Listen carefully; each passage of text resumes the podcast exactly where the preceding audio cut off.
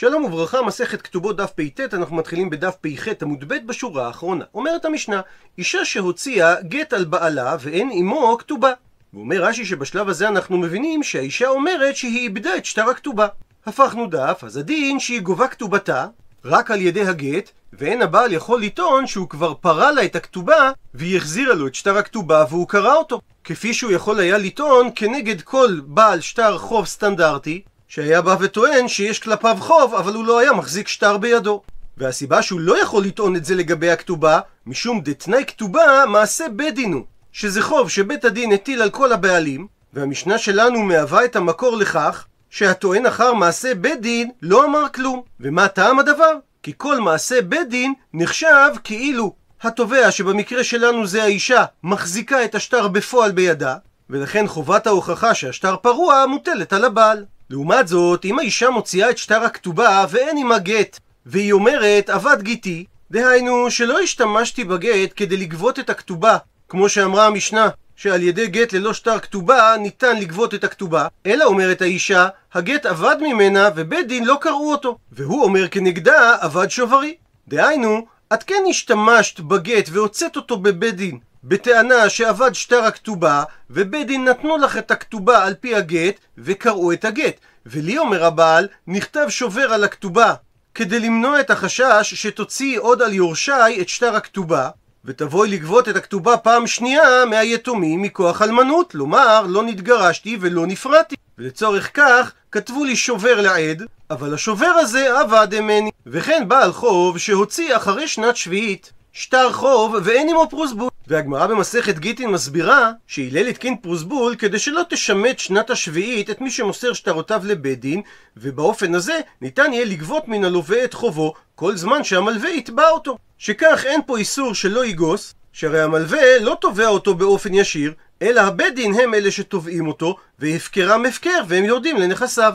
וכאשר הבעל חוב מוציא שטר חוב ואין עמו פרוסבול, הלווה אומר השביעית היא שמיטתו, והמלווה אומר פרוסבול היה לי כדי שלא תשמיטנו שבועית ואיבדתי אותו. אז בשני המקרים הללו, גם אישה שהוציאה כתובה ואין עמה גט, וגם בעל חוב שהוציא שטר חוב אחרי שמיטה ואין עמו פרוסבול, הדין, הרי אלו לא ייפרעו, כי אנחנו חוששים שמא היא כבר גבתה את כתובתה על ידי הגט, ושמא לא היה לו פרוסבול, והשביעית שמטה את חובו. רשב"ג מסייג את הדברים ואומר שמן הסכנה ואילך שגזרו עובדי כוכבים על המצוות והיו יראים האנשים לשמור את גיטיהם ושטרותיהם ומשקיבלתו את הגט היא שרפה אותו וכן אותו דבר הוא שרף את הפרוסבול שלו. אז יש הסבר הגיוני מדוע אין לה בידה את הגט ומדוע אין לו בידו את הפרוסבול וממילא אנחנו חוזרים להלכה הראשונה שהטוען אחר מעשה בית דין לא אמר כלום ולכן הדין שאישה גובה כתובתה שלא בגט ובעל חוב גובה את החוב שלו שלא בפרוסבול. את הגמרא מהמקרה הראשון במשנה שאישה גובה כתובתה בהוצאת גט בלבד שמע מינה שכותבים שובר. דאי אין כותבים שובר אז ליחוש היה חשש דילמה מפקלה לכתובתה וגביה בה שהיא הייתה יכולה להערים, ולאחר מיתתו ללכת לבית דין אחר בתורת אלמנה, ולומר לבית הדין לא נתגרשתי ולא נפרעתי, שלצורך כך מספיק לה להציג את כתובתה בלא הגט. והנושא האם כותבים שובר או לא, שנוי במחלוקת במסכת בבא בתרא, וקשה לומר שהמשנה שלנו פוסקת כמי שאומר שצריך לכתוב שובר, שהרי בבבא בתרא אומר רש"י נפסק, כמי שאומר שאין כותבים שובר, מהסיבה שזה מטיל חובה שאינה מוגבלת בזמן על מי שקיבל את השובר לשמור את שוברו מן העכברים. כי אם הוא יאבד את השובר, יש חשש שיגבו ממנו את החוב פעם נוספת. עונה על כך הגמרא שתי תשובות. תשובה ראשונה, אמר רב, במקום שאין כותבים כתובה עסקינן. המשנה מדברת במקום שלא נהגו לכתוב כתובה, אלא היו סומכין על תנאי בית דין בלבד.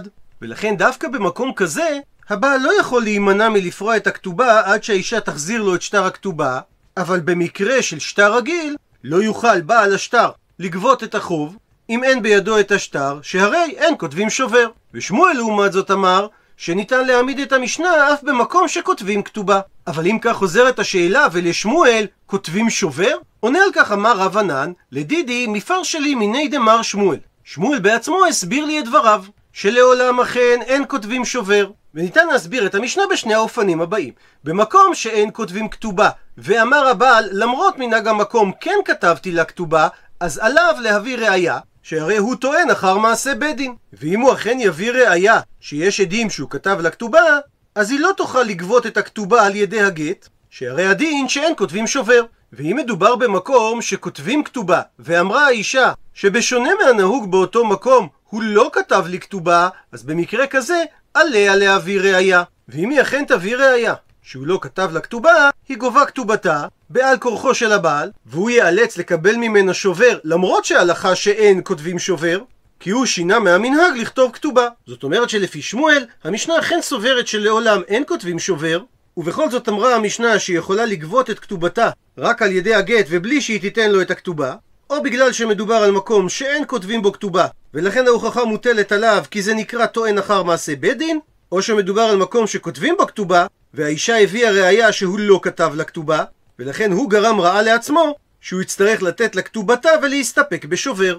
ואומרת הגמרא, ואף רב הדר בי, חזר בו ממה שהוא הסביר את המשנה, שמדובר רק במקום שאין כותבים כתובה, דאמר רב, בין במקום שכותבים, בין במקום שאין כותבים, על ידי גט האישה גובה את עיקר הכתובה, שזה הסכום שתיקנו חכמים, 200 ומנה, ועל ידי שטר הכתובה עצמו היא גובה את התוספת, שהוסיף הבעל בשטר הכתובה, יתר על ה-200 ומנה.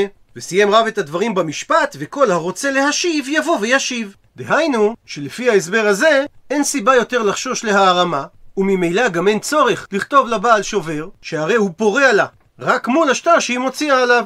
אם היא מוציאה עליו את הגט, הוא נותן לה את עיקר הכתובה, ואם היא מוציאה עליו את שטר הכתובה, הוא נותן לה את התוספת. מקשה הגמרא על הסברו של רב, תנן, הרי שנינו במקרה השני במשנה, שאם האישה הוציאה כתובה ואין עם הגט, היא אומרת אבד גיתי, והוא אומר אבד שוברים, וכן בעל חוב שהוציא שטר חוב ואין עמו פרוסבול, שהדין, הרי אלו לא ייפרעו. עד לכאן לשון המשנה, ושואלת הגמרא, בישלמה נוח לי להבין לפי שיטת שמואל, שלא חילק בין גביית עיקר הכתובה על ידי גט לבין גביית תוספת הכתובה על ידי שטר הכתובה, מוקילה שהוא מעמיד את המשנה במקום שאין כותבים כתובה, ואמר הבן שהיא כבר תבעה אותו בבית הדין על בסיס הגט בלבד, והוא אמר שכתבתי לה כתובה, ואני חושש שהיא תוציא אותה ותנסה לגבות אותה שוב.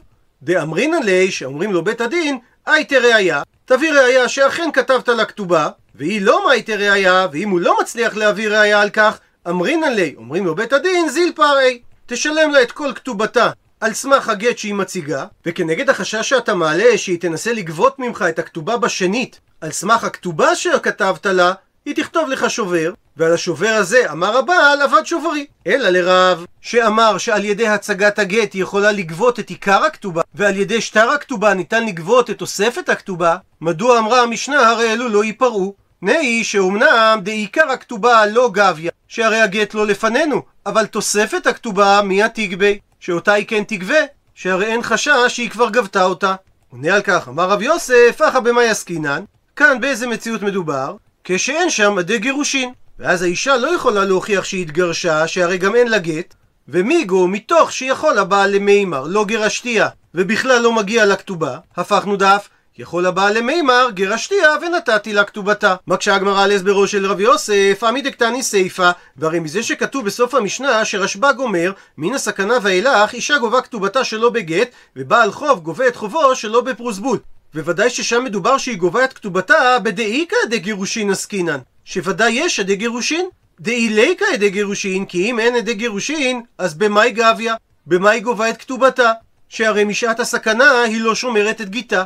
ומזה שרשב"ג מדבר על מציאות שיש עדי גירושין, ודאי שגם תנא קמא יתייחס לאותה מציאות. אלא מתרצת הגמרא, כולה רשב"גי, כל המשנה מסתדרת לשיטת רשב"ג, וחיסורי מחסרא ואחא קטני. ויש חיסרון בנוסח המשנה, וכך צריך להיות כתוב. הרי אלו לא ייפרעו. במה דברים אמורים כשאין שם עדי גירושין? כפי שהסביר רב יוסף, שהבעל נאמן לומר שהוא שילם לה גם את תוספת הכתובה, מיגו שהיה יכול להכחיש את כל עניין הגירושין. אבל כאשר יש שם עדי גירושין, אז על ידי שטר הכתובה גביה את התוספת. ולגבי עיקר הכתובה, זה תלוי. אם הפקגיתא גביה, והיא לא מפקגיתא לא גביה. אם היא תוציא את הגט, היא תגבה את עיקר הכתובה, ואם היא לא תוציא את הגט, היא לא תגבה אותו. ומן הסכנה ואילך, אף על גב דלא מפקגיתא גביה. שלמרות שהיא לא מוציאה את הגט, היא כן גובה גם את עיקר הכתובה, שרשב"ג אומר, מסכנה ואילך אישה גובה כתובתה שלא בגט, ובעל חוב גובה את חובו שלא בפרוסבול. ומביאה הגמרא שאלה נוספת אל רב. אמרי לה, אמרו רב כהנא ורב אסי לרב. לדידך, לשיטתך דאמרת, על ידי גט גובה האישה את עיקר הכתובה, אז אלמנה מן הנישואין במאי גביה. במה היא גובה את הכתובה שלה מן היורשים? על כורכך בידי מיתה שמת בעלה. ואחרי שהיורשים נותנים לה את הכתובה, הוא מחזרת את שטר הכתובה ליורשים וקוראים אותו. אבל לפי ההסבר שלך, שעל ידי גט בלבד היא יכולה לגבות את עיקר הכתובה, וליחוש דילמה גירשה ומפקא לגיתא וגביה בי. יש חשש שהבעל גירש אותה לפני שהוא נפטר, והיא תחזור ותגבה את עיקר הכתובה על ידי שתציג את גיתה בבית דין אחר. עונה על כך רב שמדובר ביושבת תחת בעלה. מסביר רש"י שאכן אין אלמנה גובה כתובתה, אלא אם כן מכירים אותה שבשעת מיתת הבעל הייתה יושבת תחתיו. ממשיכים רב כהנא ורב אסי ומקשים, ודילמה סמוך למיתה גירשה. כך שעדיין קיים החשש שהיא תוציא את הגט ותגבה את עיקר הכתובה. עונה להם רב שבמקרה כזה, אי הוא הוא דאפסידא נפשי. אם הוא גירש אותה סמוך למיתתו והוא לא הודיע על כך ליורשים, אז הוא גרם את ההפסד לעצמו. ממשיכים רב כהנא ורב אסי ושואלים את רב, אלמנה מן האירוסין, שלא ישבה תחת הבעל מעולם, במאי גביה, כיצד היא תגבה את כתובתה? על כורכך בעדי מיתה. שמעידים שמת בעלה מהאירוסין. אבל גם כאן קיים החשש, וליחוש דילמה גירשה הבעל לפני שהוא נפטר, ומה פקגיתא והיא תוציא את הגט בבית דין אחר, וגביה והיא תגבה את עיקר הכתובה בשנית. אלא מכוח הקושייה הזאת, חוזר בו רבא ממה שהוא אמר, שמדובר דווקא ביושבת תחת בעלה. הוא מודה רב שבמקום דלא אפשר כתבינן שובר, שאפילו אם הלך בעלה למדינת הים, ושמעו בו שבית, היא יכולה לגבות את כתובתה, ואנחנו לא חוששים שאולי הוא גירש אותה והיא תחזור ותגבה את הגט פעם שנייה, כי אנחנו אומרים ליורשים, תכתוב לכם שובר, כי במקרה שאין סיבה לומר שהיא מערימה, וגם אין אפשרות אחרת להגבות אותה את כתובתה, אז אנחנו לא נמנע אותה מלגבות את כתובתה, וכנגד החשש של היורשים שהיא לא תגבה מהם פעם נוספת, תכתוב להם שובר. הוא מוכיח רב את הסברו. די לא תימה אחי, כי אם לא תאמר כך, אז במקום שאין כותבים כתובה, ואין היורשים יכולים לומר לה, החזירי לנו שטר כתובתך, עדי מיתה גופה יהיו ניחוש. כאשר היא גופה את הכתובה על ידי העטי המיתה של הבעל, עדיין קיים החשש. דילמה מפקא עדי מיתה בהאי בי דינא וגביה, שאולי היא מוציאה את הכתובה מהיורשים על ידי עדי מיתה בבית דין אחד, והדר מפקא בבית דין אחרינא וגביה.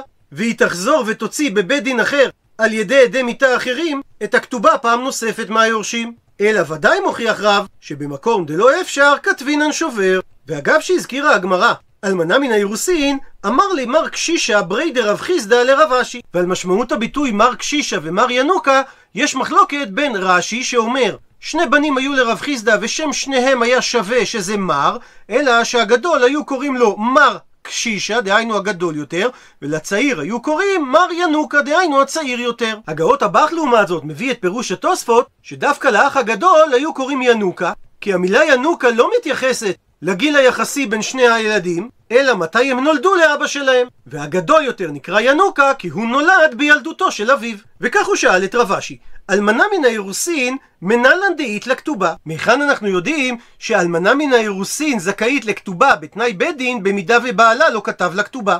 הוא מסביר רש"י שמר קשישה מתבסס בשאלתו על השאלה של רב כהנא ורב אסי לרב, שכאשר היא גבתה את הכתובה שלה על ידי עדי מיתה, עדיין קיים החשש שהיא תחזור ותגבה את הכתובה פעם שנייה בלא שטר, שהרי בפירעון הראשון היא כבר החזירה את השטר, במידה ובעלה כתב לה. ורב קיבל את שאלתם, זאת אומרת שמוסכם שיש לה כתובה בתנאי בית דין, כאשר בעלה לא כתב לה כתובה. ומציע מר קשישה שתי מקורות לדבר.